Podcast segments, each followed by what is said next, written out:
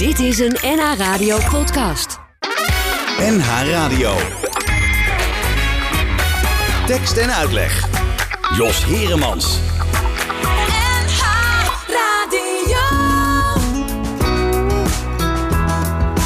Half verblind door de morgenzon Zie ik nu wel wat ik gisteren niet kon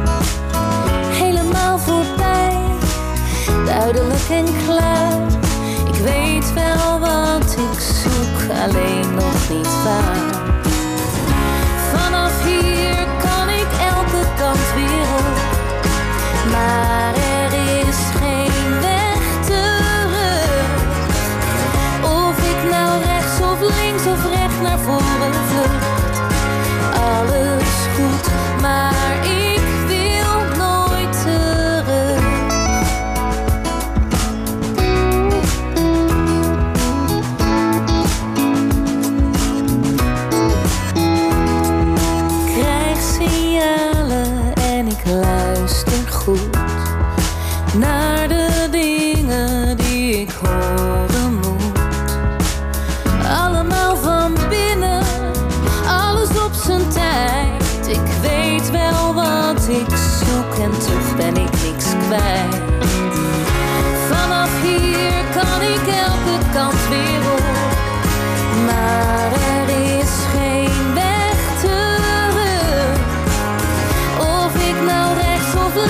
recht naar voren vlucht. Alles goed, maar ik wil nooit terug.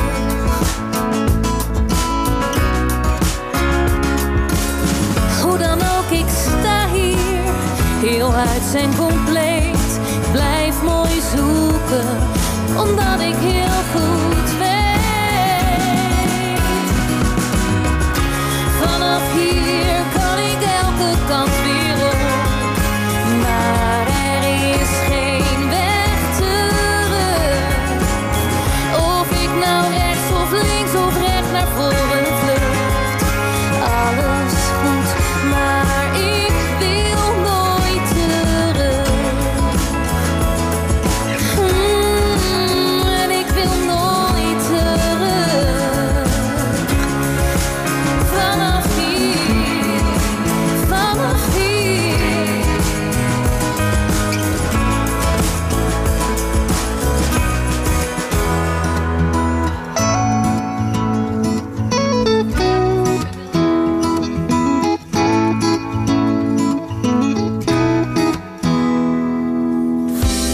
dat was even leuk om te beginnen. Marlijn Weerdenburg. En laat ze hier nou tegenover me zitten in de tekst en uitleg op eh, deze zaterdagmiddag.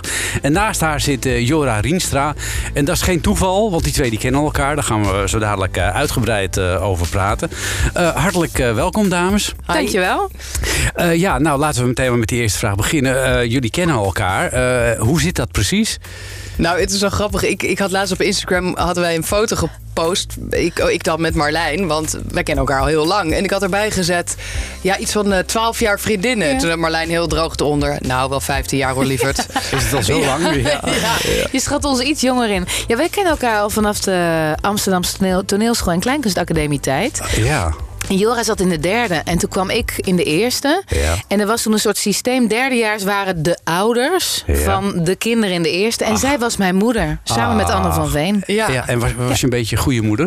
Een hele goeie, want we zijn nog steeds bevriend. Ja, ja, ja. Ja, maar jij was ook een goede dochter. Want ik weet Oh. wel dat eh, zij dan weer in een huis zat. En daar kwamen wij, werden we dan uitgenodigd. Dan had je gekookt en er was Ja. wijn. En er wat, het was gewoon allemaal heel gezellig. Oh, Oké, en eh, die gezelligheid is er nog steeds, denk ik? Ja. Ja, zeker. Ja, ja. Zien jullie elkaar vaak of eh, is het echt een... Nee, dat heb je natuurlijk nou, als je elkaar tijdens een opleiding ontmoet hebt. Dat verwatert op een gegeven moment. Dan moet je echt afspraken gaan maken. Nou, wij, wij zien elkaar Ja, wel. vind ik wel. Ja. Ja? Als je bedenkt hoe druk we het hebben. Dat vind ik dat we elkaar nog best wel veel zien. Wij kunnen Ja. ook heel goed bellen. Ja? Lang bellen. Ja. Echt een uur of anderhalf uur bellen. Oh, dat, vind ik, dat hoor je niet vaak meer. Nee, maar dat doen wij. Tenminste, dat doe ik heel graag met Jo. En ze, ja, ik deel echt alles. Dus Ja. eh, ze weet wel Ja. precies eh, hoe ik me voel en eh, waar ik sta in het leven. Oké, nou dat is hartstikke mooi. Voor degenen die zitten te luisteren en denken met wie is die man aan het praten. Eh, nou, dat zijn eh, Marlijn Weerdenburg eh, en Jora Rienstra.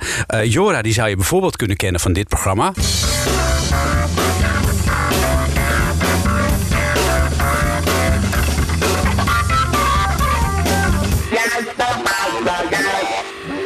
We zijn in Utrecht en hier had afgelopen jaar een fantastische feestelijke opening moeten plaatsvinden van het nieuwe RIVM-gebouw, Rijksinstituut voor Volksgezondheid en Milieu. Wat is nou het geval? Er staat geen gebouw. Hoe zit dat? Ja, eh, achter dat soort zaken gaat Jora dus aan eh, in het programma Rambam. En eh, Marlijn Weerdenburg, die kennen we natuurlijk van dit programma. Dit is Danny Lowinski. We zijn advocaten. Deze ex-kapster maakt een verrassende en gewaagde carrière move. Wij gaan feesten vanavond. Totdat we erbij neervallen. Ik moet eerst een baan vinden, Liek. En dat valt nog niet mee. Jij komt solliciteren als advocaat. Zeker als je niet de juiste mensen kent.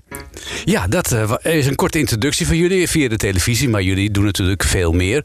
Want Jora, je bent al jarenlang eh, cabaretier. eh, je zingt, je acteert.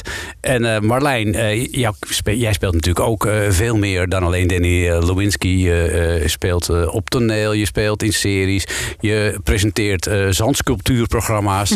je duikt af en toe op bij de ANWB om lichtgevende signalering aan te brengen op straten. Ik zak nu door mijn stoel heen.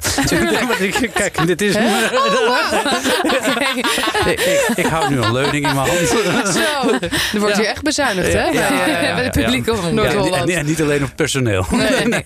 Eh, dus ja, jullie hebben eigenlijk een hele, eh, ik mag wel zeggen, eh, afwisselende carrière allebei tot nu toe. Ja, dat is eigenlijk wel heel leuk, want daar hebben we wel een soort van eh, overlapping in. Ik- De gemeenschappelijke deler. Ja, de gemeenschappelijke deler, allebei Zeker. theater, maar ook wel tv. Nou, Marlijn wel veel meer dan ik, maar ja, ik heb ook nog wel even, ben ook nog even DJ geweest, radio DJ. Ja, op Radio eh, 2. Op Radio Ja. 2. Ehm, en jij natuurlijk ook tv-dingen en, en theater. En ja, dat vind ik dus wel heel leuk. Ja. Ja. wij zijn allebei denk ik duizend poten. Maar en, en, en dat is, ik vind dat nou, best wel heel fijn ook om met Jor daarover over te praten, vaak. Omdat ik dan denk, oh ja, wij, ehm, jij, jij, jij, jij snapt dat. Je snapt dat ik niet wil kiezen. Jij, jij wil ook niet kiezen, toch? Jij wil ook niet maar één ding doen. Nee, eigenlijk niet. Want Nee. dan denk ik, waarom, je kan het ook combineren. En dat gaat Ja. tot nu toe heel erg goed. Ja. Ja. Ja. maar je kunt je natuurlijk ook, eh, je kunt ook denken van, ik wil in één ding echt heel erg goed worden. Ja, maar dat is, ach- dat is Oh. ouderwets en Oh, achterhaald. Ik, oh. Dat Ja, hebben zo vaak... maar- so- Sorry, maar dat hebben mensen zo vaak tegen mij gezegd. En eerst ging ik daar dan een beetje van twijfelen. En dacht ik, oh ja, ik moet één ding doen, want dan pas kan ik goed worden. En nu weet ik Ja. inmiddels, als ik iets presenteer... steek ik daar weer dingen voor op die ik op het podium gebruik... als Mhm. Ja. ik eh, eh, mijn verhaal doe. Ja. En, en als ik aan het acteren ben, steek ik weer iets op als zangeres. Dus ik, ik, ik heb het idee Ah, dat, het, dat juist dat het Die kruisbestuivingen zijn. ja. Ja, dat vind ik ook hoor. Ja? het is, het is, ja, je, je neemt jezelf toch constant mee. Ik bedoel, wij zijn denk ik allebei personalities in die zin. Personalities? Ja, nee, Zo, maar ja, zo maar. noem je dat dan. Nee, Ja, dat is niet om je. Maar even om het te definiëren. Je hebt, je hebt natuurlijk ook acteurs die gewoon altijd heel goed in de huid van, Van een- iemand kunnen kruipen. En, en, en als persoon helemaal geen zin hebben om, om in de media te zijn. En dat zoeken wij wel heel erg op. Maar het heeft misschien ook te maken met de opleidingen. Die is ook behoorlijk allround. Zeker, zeker, zeker. Ja, Toch? en het is ook wat je tegenkomt in je, in je verdere carrière natuurlijk. Waar je, je- ja, per toeval word je soms ergens voor gevraagd. Of, Ja. of, of je zoekt het zelf op. Ja, dat kan ook. Ja. Ja, want hoe ben jij bijvoorbeeld, Jora, bij Rambam terechtgekomen? Goed. Eh, moet ik even stel even een vraag. Ja, inderdaad. best nu een goede vraag. Nee, ik zat, dus, ik zat dus inderdaad bij Radio 2 als DJ. En toen Ja. eh, was ik een keer voor mijn cabaretprogramma... zat ik bij Pauw, ook heel leuk. Ja. Eh, en, en die productiebedrijf van, eh, van, Van eh, van, nee, van ehm, eh, Rambam zag dat. Ja. Eh, Matthias Schut, een heel leuk vent. Van CCCP. Ja, van CCP. Ja. En die zei, kom eens een keer kletsen en zo. Toen gingen we kletsen. En, en toen van het een kwam het ander. En toen zei hij, eh, wil je niet Rambam doen? Ik zeg, ja, Ja. hartstikke leuk. Ja, had je En, daarvan ehm, gehoord toen al? Ja, ik kende Oh, dat programma oh, al. Ja, absoluut. Want dat is wel echt een programma wat ik vroeger ook wel zag. Ja. Omdat het ludiek is. En tegelijkertijd... eh, ja, ook spannend om te doen. Ja. Want je moet echt, eh, nou zeker toen ik net begon, want ik doe het nu al vier jaar, maar echt eh, van die undercovers, dat je echt gewoon ergens in een bedrijf ging werken. Ja.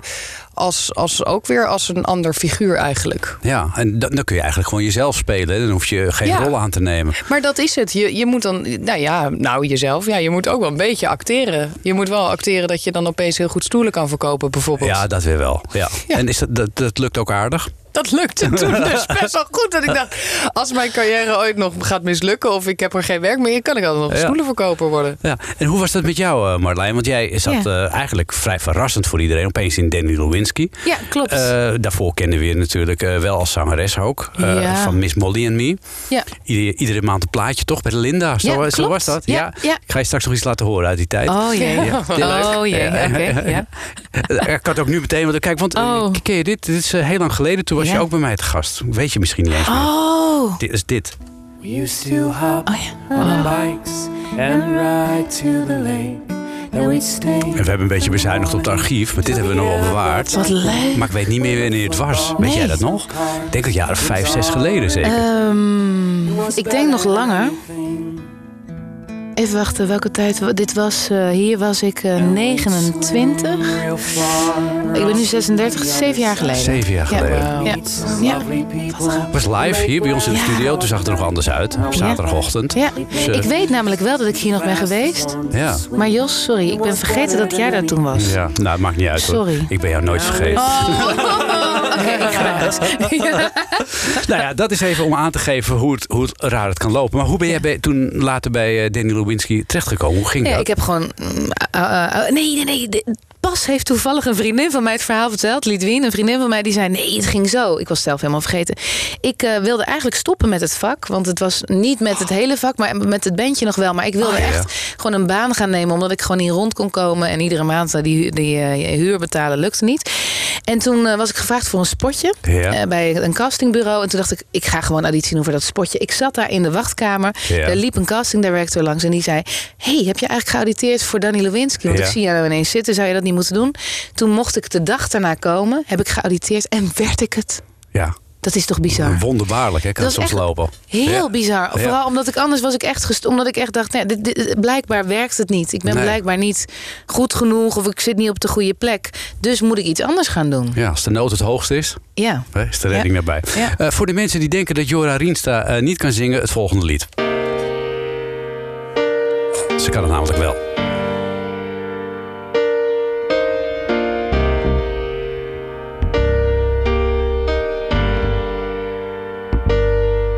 Ik kwam je tegen in de regen op een middag voor de HEMA in de stad. Je stond daar stil nogal verlegen, al je kleren en je haren waren nat. Ik zeg Jezus wat een regen, dit hebben we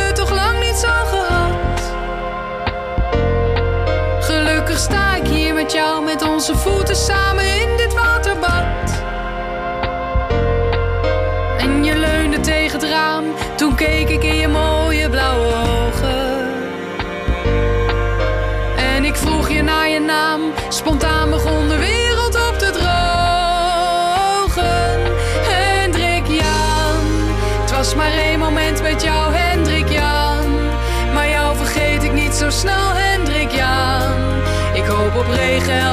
zodat ik weer eens met je samen schuilen kan. En net toen je wilde gaan, kwam de regen weer met bakken naar beneden. Ik zeg blijf nog even staan, er is voor haast vandaag toch echt geen enkele reden. Je zei nee, misschien wel niet, en zo stonden we weer zwijgend naast elkaar.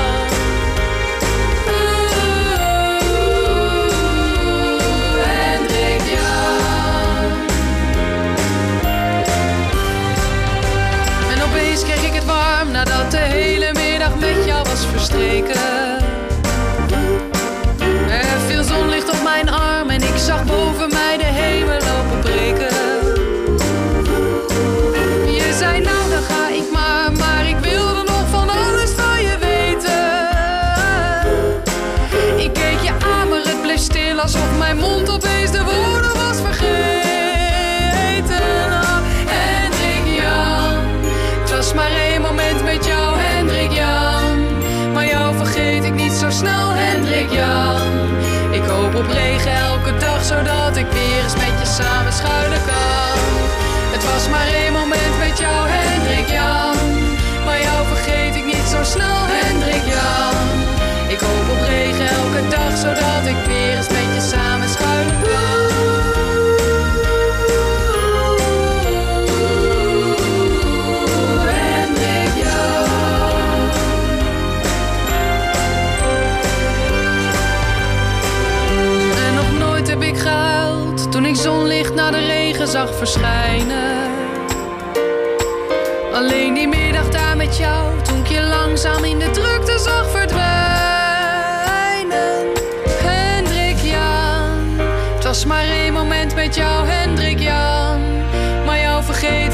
snel, Hendrik Jan.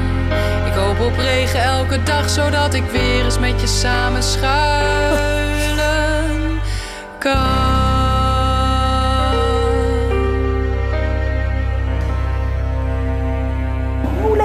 Het is als die eeuwige mist rondom je hoofd optrekt en je ineens alles ziet zoals het werkelijk is? Is het alweer tijd voor avondeten? Eh, met avondeten bedoelen ze hier een eh, terminaal stukje vis, doorgekookte groenten en een bakje gele vla. Ja, als je niet eh, depressief was, dan word je het hier wel. Het is feest in mijn hoofd, een kermis in de hel. Ja, dat klinkt eh, onheilspellend, eh, Jora Rienstra. Ja. Het is een stukje uit de trailer van jouw eh, voorstelling Up. Mhm. Dat is de tweede voorstelling die je maakt naar aanleiding van een boek van Meerte van der Meer. De eerste was Paas. Dat ging over een psychiatrische afdeling in een algemeen ziekenhuis. Ja. Dit is het vervolg daarop. Ja, de vraag is dan, waarom wil je daar een voorstelling over maken? Nou, toen eh, Paas uitkwam, dat is alweer weer jaren geleden, werd dat best wel een, een succesvol boek. Omdat Ja. Meerte van der Meer eigenlijk heel goed kon beschrijven hoe dat nou eh, is om in een kliniek te zitten en om, een, ja, om, om depressief te zijn. Eh, en het was ook taboe doorbrekend. Dus eh, toen, na aanleiding daarvan, is dus die voorstelling gemaakt, Paas. Daar werd ik toen voor gevraagd om die te spelen. En dat was voor mij echt een uitstapje, want ik deed inderdaad normaal gesproken cabaretvoorstellingen. En toen ging ik opeens toneel, echt een monoloog. En ja, dat werd een heel bijzonder project, omdat ja, ik heb me toen ook 24 uur laten opnemen om te kijken hoe dat is, inderdaad, Ja. in zo'n kliniek. En hoe Ehm, was dat? ja, pittig, maar ook confronterend, omdat er dus best wel wat mensen waren waarvan ik dacht: oh, nou, hè, dus zat ik met een vrouw te praten. Ik denk, nou, die verpleegster neemt wel heel lang pauze. Mhm. En dat was gewoon een patiënt. Ja. Dus ik had zelf ook, betrapte mezelf ook op een soort beeldvorming bij mensen die psychisch zijn. Ja. Nou, die zullen er wel zo bij lopen, die zullen er wel zo uitzien en die zullen wel zo praten. Maar dat is niet zo. Jij kan het ook zijn. Ja, dat is misschien ook het grote taboe, hè, denk Het ik. is het taboe. En, en nou, die voorstelling ging ik toen spelen. En dus in mijn eentje, maar ik werd wel met een team gemaakt, zeg maar. Mhm. En dat werd ja gek genoeg een, een, een, best wel een, een succes. Omdat, dat, omdat mensen erop afkwamen die misschien ook niet zo snel naar theater zouden gaan. Maar die echt affiniteit hadden met het onderwerp. En Ja. we hadden toen ook inleidingen door mensen die zelf eh, ervaring hebben met ehm, psychiatrie. Dus, dus, dus ervaringsdeskundigen noem je dat. Ja. Die zelf ooit opgenomen zijn geweest. Ja. En dat gaf eigenlijk een heel compleet beeld van, ehm, ja, van wat er zich dan in iemands hoofd afspeelt en wat er dan precies gebeurt. Ja, want het leuke van, van de boeken van Meerte van der Meer is ook... eh, je denkt bij depressieve mensen... dat zijn mensen die in zichzelf gekeerd zijn... die de hele dag met Ja. een zagrijnige kop rondlopen... en nooit een grapje maken. Maar er zit ook heel veel luchtigheid en lichtheid in. Ja, en zeker bij Up, want dat, dat, dat is eigenlijk, oh, gaat over haar tweede opname. En dan is ze dus eh, manisch. En zij heeft dus, ja, ze komt in die kliniek. Ze komt eigenlijk voor de, de laatste gesprek met een psychiater. Ja. En opeens wordt ze opgenomen. En ze heeft echt gezegd, nou, doe, doe even normaal, joh, weet Ja, je. En eh, ja. weet je wel, eh, en dan zit ik hier wel met, die, eh, met het inderdaad terminaal stukje vis en, en doorgekookte groenten. En, Ja. en, en dan ook over die medepatiënten. En ja, we hebben ook de vorm nu gekozen ehm, om het ook bijna heel erg, ja, bijna stand-up te doen. Oké. Ja, omdat iemand die manisch is, dus ook inderdaad echt wel zelfspot heeft en humor en, en, en die up. En tegelijkertijd is het natuurlijk ook tragisch, want je stort op een gegeven moment ook wel weer in. Ja. Maar ja, het is niet zo dat, dat inderdaad dat je dan maar ehm, dat, je dan, dat je dan niet intelligent bent of dat je niet grappig bent. Of ja. Ja, ja het is eigenlijk een, het is, het is natuurlijk heel merkwaardig dat mensen die eh, lijden aan eh, depressiviteit, bipolariteit, allemaal dat soort eh, ziektes, want het zijn gewoon ziektes, Ja. dat die eigenlijk worden weggezet in de hoek van ja, een beetje aan de zijkant. Het, Mhm. het, het- als, je- hebt een veel beter verhaal als je je been breekt of met een gebroken arm rondloopt. Absoluut. Nou, daar zit ook een soort, daar zit ook een stuk tekst daarover in. Inderdaad, als jij een, patiënt, een patiënt bent en je hebt gewoon je, je, je been gebroken, nou, je belt even secretariaat en je krijgt een afspraak met de dokter. Duurt vijf minuten. Ja. Eh, en dan zegt ze als een patiënt zoals ik die dit heeft, nou ja, dan moet ik eerst dit en dan moet doorgegeven worden aan een psychiater en doorgegeven aan de verpleegkundige en die moet het weer terugkoppelen naar het secretariaat. En nou ja, dat duurt 10 tot 30 jaar. Ja. Weet je? Ja, en wat je, en wat je nu ook hoort, hè, eh, regelmatig, van het duurt gewoon maanden voordat iemand eh, terecht kan om hulp te krijgen. Ja, want het, eh, weer, d- d- ik kreeg nu ook weer de vraag of ik weer opgenomen wilde worden. En eh, ja, mijn omgeving had ook zoiets van, doe dat nou maar. Want het is volgens mij voor... Nee. ja. Is voor iedereen Goed, ga dan maar weer. goed om je in te leven. Je, ja, ja, ga dan maar alsjeblieft weer. En voor jou ook wel lekker even een paar dagen zonder kinderen. Even een paar dagen slapen. Nee, maar die vraag was er wel weer. In die zin is dat ook wel de, de, de psychiatrie heeft wel in die zin willen, willen die ook openheid en die willen juist ook eh, dat het wordt verteld. Mhm. Maar ik had nu echt zoiets nee, nee, ik, ik wil dat niet, omdat er is gewoon zo'n eh beddentekort. Dan zit ik daar 24 uur iemands bed eh, te bezetten die dat echt nodig heeft. Dus ik heb nu wel met een, iemand gepraat die dus manisch depressief is. Een heel leuke vent. Heel intelligent, eh, had een topbaan. En, en inderdaad, werd manisch. En moest worden opgenomen. En daarna eh, was het klaar met zijn topfunctie. En, Ja. en eh, dat hij dat. Kijk, kwam terug in dat bedrijf. En of hij het maar even maar eh, niet eh, wilde zeggen, allemaal. En, Nee, want dat is, dat is ook zoiets, hè? Ja. Je mag er niet over praten. Nee, je moet het niet zeggen, want dat zullen je collega- collega's wel niet denken. En je bent een, een, een risico. Ja, ja. En het is juist voor heel veel mensen, eh, eh, denk ik, ook heel bevrijdend om er juist wel over te kunnen praten. Mhm. Heel. En, daar, en daardoor hebben we dus ook die inleidingen. En trekt het ook mensen aan die dit, eh, die dit zelf hebben ervaren. Ik was laatst, moest ik spelen in Huizen. Mhm. Nou, en ehm, toen daarna kwamen er, eh, kwamen er twee vrouwen naar me toe. eh, heel chique dames, waarvan een van de twee opeens begon... ja, ik ben dus ook opgenomen geweest. En die Mhm. ging haar hele verhaal vertellen. En toen dacht ik, ja... Was dit, had dit gesprek ook plaatsgevonden als ik, als ik een leuke cabaretvoorstelling had gespeeld die er niet over ging? Ik denk het eigenlijk niet. Nee, maar dan had je het misschien weer over iets anders gehad. Ja. Ja, je, ja, nou ja, je, je natjes, je droogjes. Ja, nee, dat, nee, dat snap ik wel. Maar ik vind wel... De, de hobbel die mensen moeten nemen om het erover te hebben... Ja. is best Groot. best, best groot. Ja, ja, dat kan ik me ook heel goed voorstellen. Heb je ook contact gehad met Meerte van der Meer, de schrijfster van de boeken? Bij Paas zeker. En toen hebben we ook een aantal keer een dubbel interview gehad. En eh, nu met Up iets minder, omdat ze ook gewoon tegen ons heeft gezegd... nou, doe het. Want, want ze heeft Paas natuurlijk gezien. En Zij heeft vertrouwen in jullie. Ja, ze heeft vertrouwd. Dus in die zin ja, gaat dat wel heel goed, dat contact. Ja, als je dit Ja. zo hoort, eh, Marlijn eh, Weerdenburg, eh, wat denk jij dan? Wat denk ik dan? ja. Ehm, nou, ik denk vooral, ehm, wat te gek, hoe ik zit vooral te kijken dat ik denk, jeetje joh, wat doe je dat goed? Eh, die betrokkenheid bij zo'n voor, bij zo'n voorstelling, bij zo'n onderwerp. Daarom moet Jora dit spelen. En ik heb het gezien, eh, de première, en ik, ik was eh, heel erg onder de indruk. Het, Ja. het, het vloog me echt eigenlijk een beetje aan. Ehm, omdat het heel subtiel is en heel genuanceerd en heel herkenbaar. Het eerste deel van de voorstelling dacht ik alleen maar... oh, maar dit ken ik ook, dat heb ik ook. En op een gegeven moment word je, word je meegezogen in dat Ja. verhaal. Maar ik vind het heel te gek hoe, hoe, ze, dat, eh, hoe ze dat doet. Ja. En wat zijn je de reacties eh, over het algemeen vanuit de hoek van de psychiatrie? Zijn die blij met die voorstellingen of zeggen ze van... eh, ehm, ja, het, hoeft niet, het hoeft niet per se in theater? Ja, nou, dat, dat weet ik niet eens zo goed. Maar de, de mensen, er komen best wel veel mensen uit de psychiatrie ook kijken hoor. Hmm. Zorg, eh, hulp, eh, ja, eh, zorgpersoneel. Ja, ja. En, eh, ja, want het gaat wel over hun vak. Ja. En, en die hebben er natuurlijk ook affiniteit mee. En ik kan me voorstellen dat sommige mensen denken van... ja, goh, moet ik daar ook nog heen na mijn werk? Ik wil het juist even Ja. loslaten. Hetzelfde als dat jij naar een voorstelling moet over radio... dat je misschien ook denkt, nou, nou even niet. Radio. eh, Nou, even lekker thuis. Ja, ja, ja. nee, maar Ja. voor de rest is daar helemaal niet een, een, een nee. Dit is, eh, dat is, al- nee, die komen ook echt wel kijken hoor. Ja. Is dit voor jou een ommezwaai eh, van, van cabaret naar toneel? Of, Nee, het is dus gek genoeg. Paas was echt wel veel meer toneel. En dit is- zit er een beetje tussenin. En dat vind ik dus juist heel Hmm. leuk. Want het staat eigenlijk heel dicht bij mezelf. Ik speel het ook gewoon met mijn eigen humor en met mijn eigen toon. En daardoor denk ik, ja, dat is dus eigenlijk een soort tussenvorm die, die ik heel leuk vind. Ja, en eh, heel geslaagd is.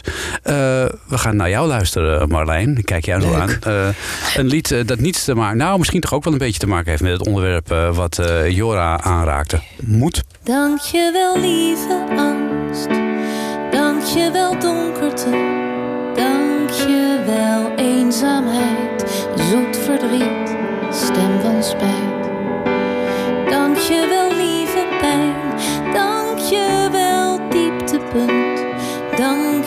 dankjewel valse start, jaloezie, onrustig hart. Je rechte mijn rug. Je veerde me terug, je dwong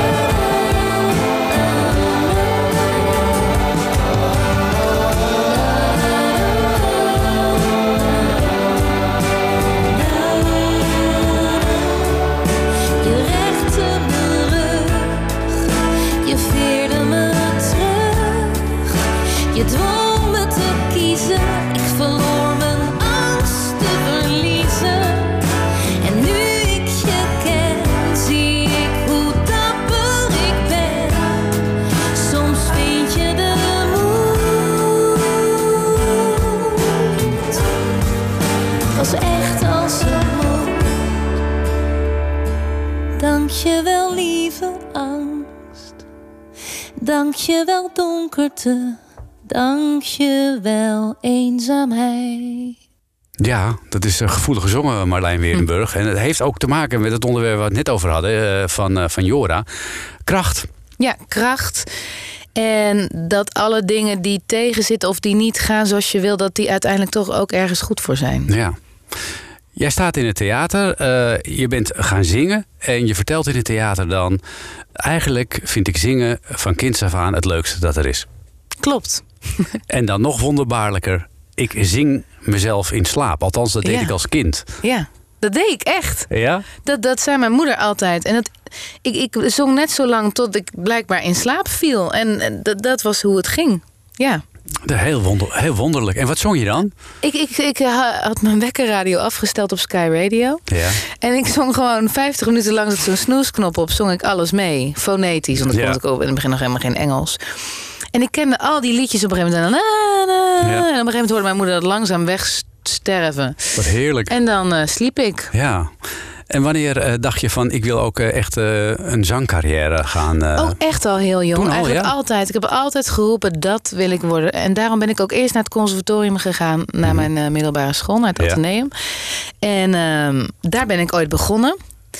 Maar goed, op een of andere manier ging het leven. Ik heb altijd ben ik blijven zingen, maar ik heb Mhm. nooit er echt... eh, 100% voor, voor durven te kiezen. Omdat het zo'n ingewikkeld vak is. Omdat het zo Ja. moeilijk is om eh, voet aan de grond te krijgen. En blijkbaar had ik niet genoeg lef om het aan te gaan. Ik heb altijd gedacht, ah, dat komt wel, dat komt wel. En, eh, maar toen je op dat conservatorium zat, was dat, had je toen zo, toch zoiets van... nou, dit is niet helemaal my cup of tea, die omgeving? Nou, dat was meer, wat meer gericht op het eh, musicalgebied, waar die opleiding die ik deed. En daarvan dacht ik op een gegeven moment, ik mocht stage lopen op een gegeven moment bij, bij Herman van Veen. Wat helemaal te gek was. En toen dacht ik, oh, dit gaat niet over hele mooie noten, heel hoog en hard zingen. Dit gaat echt over het vertellen van een verhaal. En mensen meenemen in jouw wereld op een podium.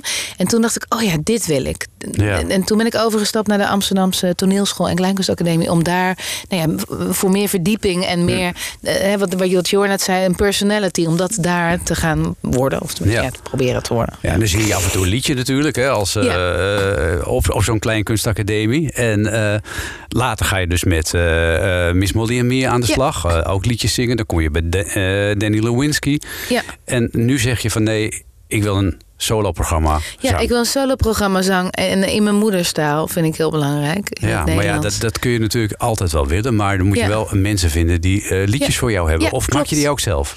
Eh, ik heb nu eh, bij een paar liedjes meegeschreven, maar bijna alles is geschreven door mijn muzikale helden. Maar dan wel geïnspireerd op de gesprekken die we hebben gehad. Hm. Dus het gaat wel echt allemaal. Het laatste liedje wat je hoorde heb ik samengeschreven met Bertolf Moed. Ja. Eh, maar bijvoorbeeld het eerste nummer wat je liet horen vanaf hier is geschreven door Daniel Lohuus, die ik heel hoog heb zitten. Ja. En nou ja, dat ging dan wel aan. Dan dacht ik van, ik wil niet dat ze zomaar iets schrijven. Ik wil wel dat het echt bij mij past. Maar En- hoe leg je dat contact dan? Schrijf je dan een brief, uh, of nou, Stalken, een mailtje. gewoon stalken, ja, ja. ja, Bij, de, bij de toneeluitgang staan en hey Daniel. Ja, nou ja, via, via kom je ver. Kom je makkelijk aan een e-mailadres, weet ik inmiddels. En dan gewoon mailen. En, en als je geen reactie krijgt, toch nog een keertje proberen te mailen. Eh, goed nadenken over een, over een mooie brief. En, en dat dan sturen. En dan maar hopen dat iemand zegt, dat wil ik wel. Ja, en uh, hoe waren de reacties in dit geval? Meteen Ja. uh, positief van iedereen? Nee, niet voor iedereen, maar Oh. van veel wel. Ja, ja, ja, ja. En want je zegt uh, Daniel Lohuus, je, je noemde... Daniel Loos, Herman van Veen Veen. heeft voor me geschreven. Wat natuurlijk waanzinnig is. Paul de Munnik. Bertolf, Isaline Kalister. Was ook een hele mooie zangeres. En Renske Taminio, Ja, zangeres en liedjeschrijfster. En Ja. die schrijft zo mooi. Daar zing ik vier nummers van Zo. uiteindelijk. Ja. Ja. Ja, En dan moet je dat allemaal bij elkaar uh, ja, componeren eigenlijk tot een voorstelling. Is dat moeilijk? Uh, als je begint wel, want dan denk je, oh, ga ik dit nou in hemelsnaam doen? En dat het ook nog nut heeft en dat er ook nog een lijn in zit, een verhaal. En dat het dat je als publiek wil blijven kijken. Dat het niet gewoon een concert is. Dat je denkt, oh leuk, nog een liedje, nog een liedje. Je wil toch ook uh, ja, een, een, een, thema hebben en een verhaal vertellen. Dus dat, dat, ja, dat kost tijd en, uh, en energie. En welk verhaal wil jij vertellen? Ik denk dat ik wil vertellen dat je, dat je, dat je um, nooit te oud bent om dat te gaan doen waar je als kleinkind van droomt. Dat is denk ik een van de basisdingen.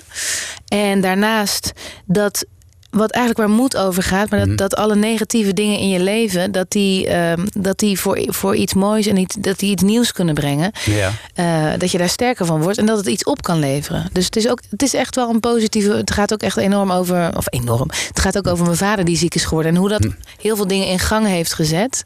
En ervoor heeft gezorgd dat ik ben, minder ben gaan twijfelen en meer ben gaan doen. Ja. Dus dat zit er ook heel erg in. Kijk, de, de, de kans dat je iemand gaat verliezen waar je heel veel van houdt, kan je alleen maar denken: oh, dat was zo heftig en zo eng. En oh, wat ben ik daar bang voor. Maar je kan ook denken: ja.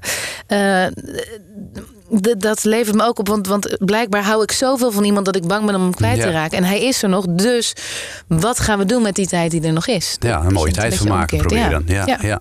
Heeft het je ook aangezet om zelf meer te gaan schrijven? Door dat contact en die inspiratie die je misschien krijgt door samen te werken met andere schrijvers? Zeker. Ik dacht alleen maar, ik had natuurlijk Miss Molly en Me samen met eh, Helge en Slikker. En die kon heel goed, die kan heel goed componeren en liedjes schrijven. Dus ik was een beetje geïmponeerd en ik dacht dat, dat, ah, dat moet ik maar niet doen. En nu eigenlijk door dit project en doordat ik met zulke ja, bijzondere componisten samenwerk, die ook zeggen, kom op, je kan het wel. En Ja. je hebt zoveel in je mars.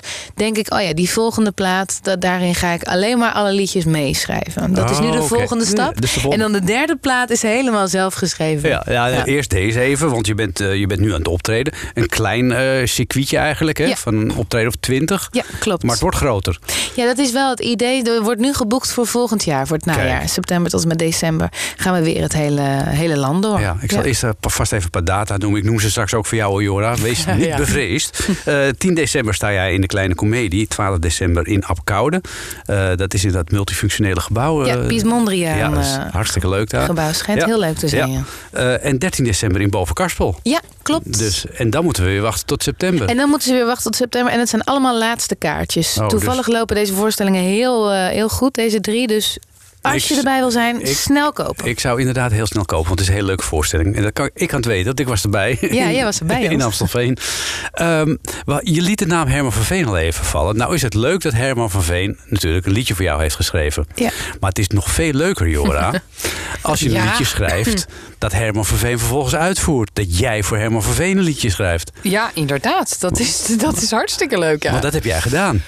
Ja, nou, het is wel heel apart. Want eh, Herman van Veen kwam lesgeven op de Kleinkunstacademie. Ehm, en eh, ja, dan op een gegeven moment zei hij van... eh, schrijf eens, schrijf eens een ultiem liefdeslied.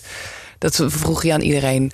Ehm, of, of, of iemand had het. Nou ja, in ieder geval, ik had een ultiem liefdeslied. En, dat, dat, dat, en we mochten ons eigen werk daar doen. Dus ik ging dat lied zingen. Ja. En toen kwam hij daarna naar me toe van... eh, eh. ja, iedereen doet, het, hem- doet hem altijd na, maar het Ja, is wel heel... het mag eh, best hoor. eh, Ja, ik ga dat nu niet doen. Mag ik, eh, mag ik even je- mag ik, eh, ja, vind ik wel een mooi nummer. Mag ik dat zingen? Ja. En toen dacht ik, tuurlijk, ja hoor, Ja, hoor. het zal wel. Ja. Eh, dat zegt hij natuurlijk tegen iedereen of zo, weet ik het. Maar toen kreeg ik, eh, twee weken later, kreeg ik dus echt, eh, echt een beetje een streng bericht van zijn, eh, strenge mail van zijn eh, assistenten van...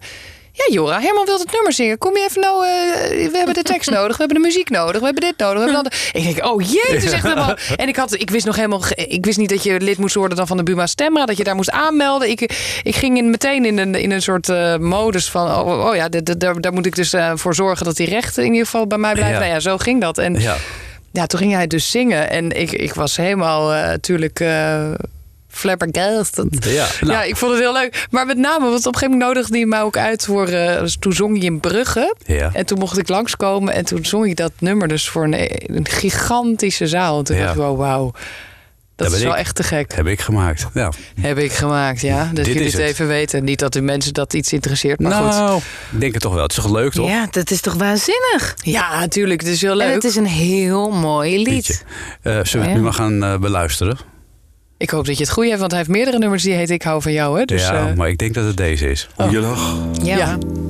hoe je huilt, hoe je danst, hoe je praat, hoe je loopt, hoe je kijkt, hoe je naast me slaapt, hoe je ruikt, hoe je voelt als je bij me bent.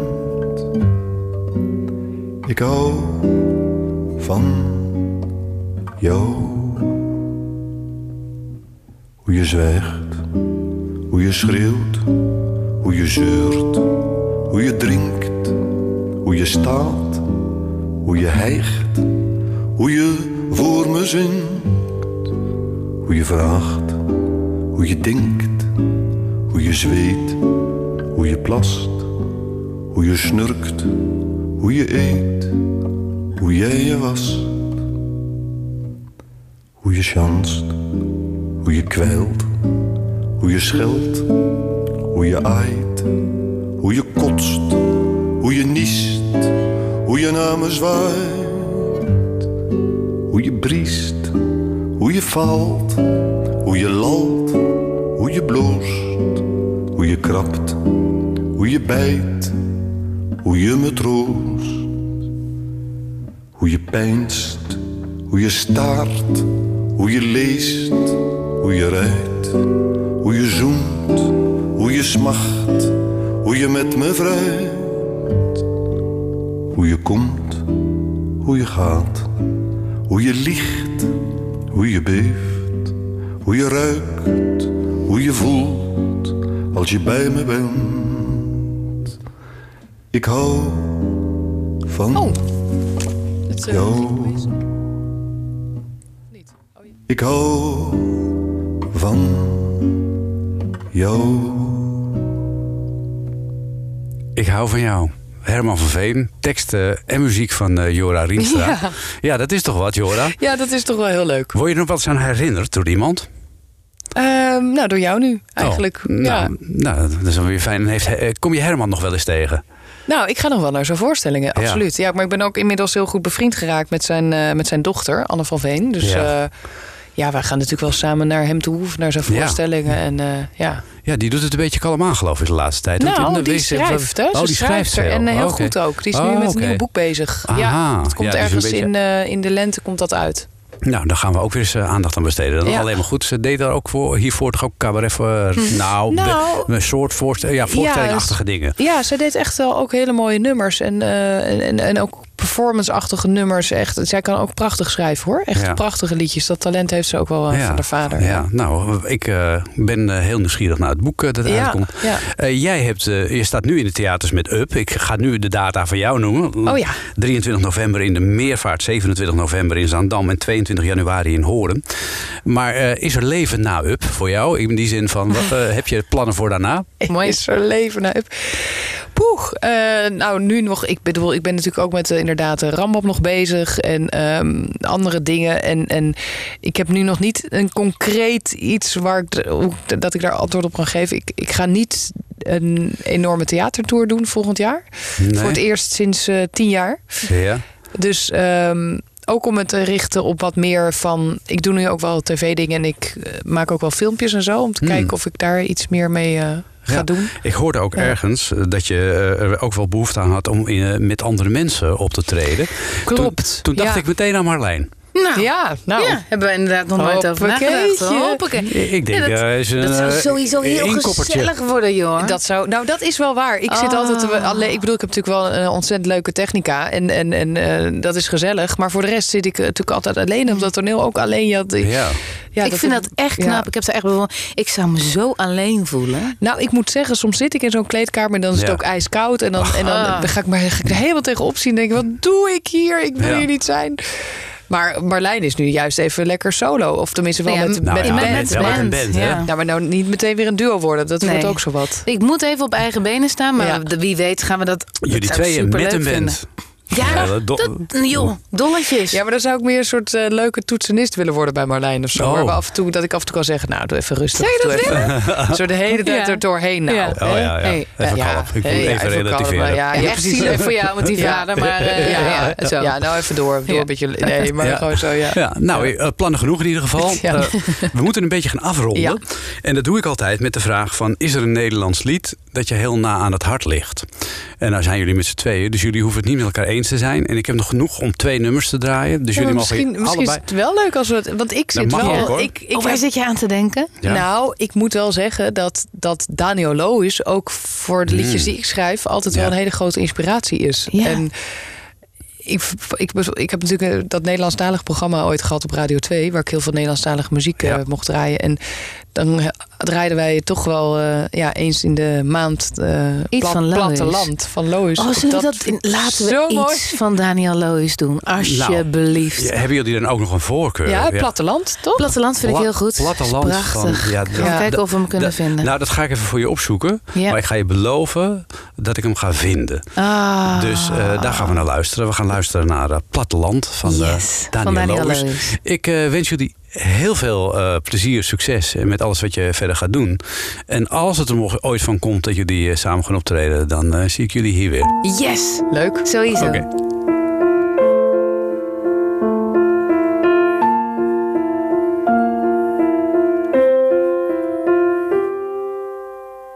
Worden suikerbieten gruiden op de zwarte grond. Worden lange rechte wegen tot aan de horizon. Maar ja, altijd weer dat brengt wat ik nergens vinden kan. Als alleenig hier, alleenig hier op het platteland. Worden leeuwerikjes dansen, hoog in de zomerlucht. Word ik in de groene wiekswal, zag je schrei of diepe zucht. Geen mensen weet dit plekje, waar dat zo prachtig kan. Als alleenig hier, alleenig hier op het platteland. En ik ga nooit meer weg hier, ik ga hier nooit meer voort. Ik ga nooit meer weg hier, ik geloof niet dat dat wordt.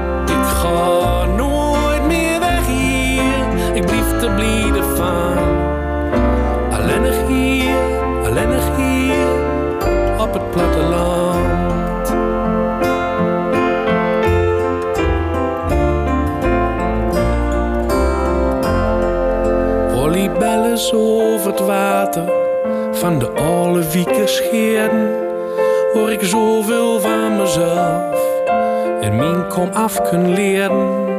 Hoor ik heel dicht bij de reden van mijn leven komen kan. Dat kan alleenig hier, alleenig hier op het platteland.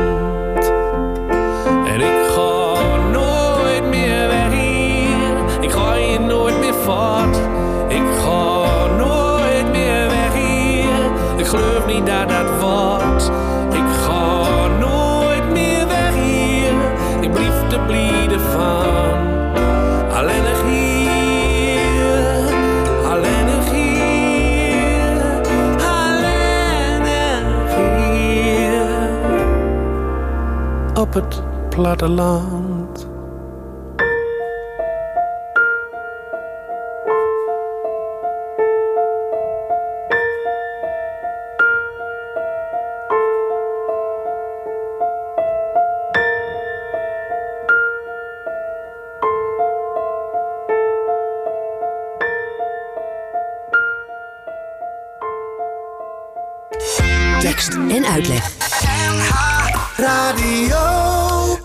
Je kunt daar vanavond nog eh, bewonderen in eh, de Meervaart in Amsterdam. Ik zou daar zeker nog eventjes heen gaan. En het eh, favoriete nummer dus van zowel Jora als Marlijn was van eh, Daniel Loos op het platteland.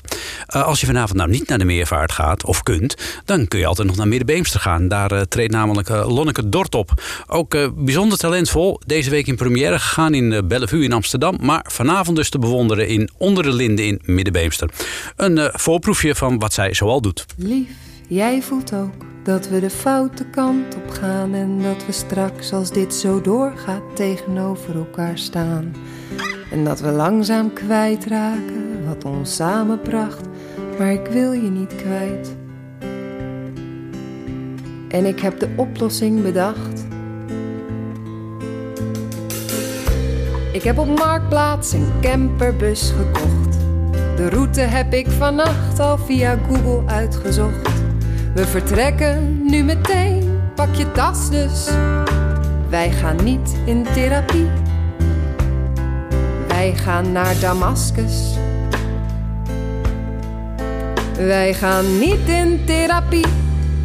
Wij staan niet stil bij de symptomen en al die shit uit onze jeugd, waar alles wel uit voort zal zijn gekomen. Tussen de granaten zullen we voelen dat we leven.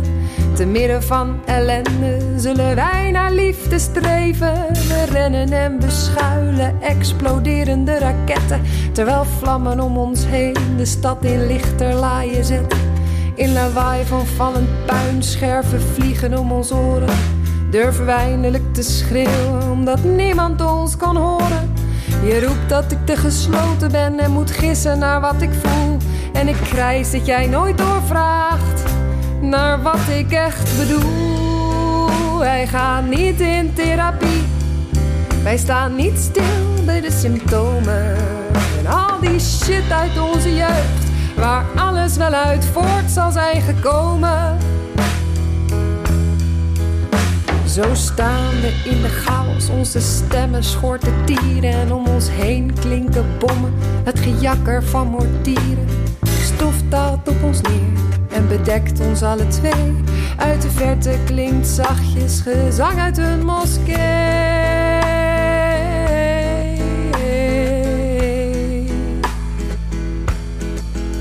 Terwijl doodsangst en verderf ons langzaam besluipen, zullen wij bevend in elkaars bebloede armen kruipen.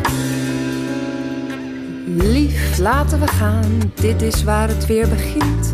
Want ik hoorde op de radio dat tegenslag verbindt. Ja, gezellig. Ja, dat was uh, Lonneke Dort. En Lonneke kun je vanavond uh, dus zien in Onder de Linden in Middenbeemster. Het begint daar allemaal om half negen. Uh, straks het Gouden Hitsmuseum met Ferdy Bolland. Maar nu eerst een gedichtje uit de bundel Lichte Versen in Zware Tijden. Sigins komt de stoomboot uit Spanje weer aan. En kijk al die pieten in de roetuitstoot staan. En dan op het dek springt een paard op en neer. Met vervuilende mest. Nee, dat kan echt niet meer. De Sint kan niet lachen van al dit gedoe. Hij is zwaar neerslachtig en ook levensmoe. O lieve Sint-Nicolaas, spring niet overboord. Ook al wordt nu uw feestje vakkundig vermoord. Ik wens je nog een gezellige zaterdagavond en vergeet je schoen niet te zetten.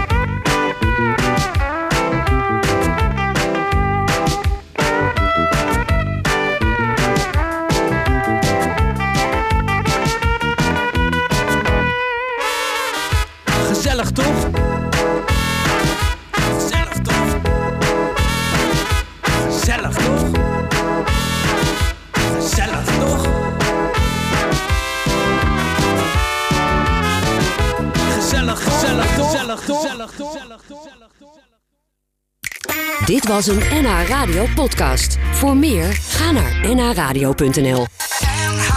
Radio.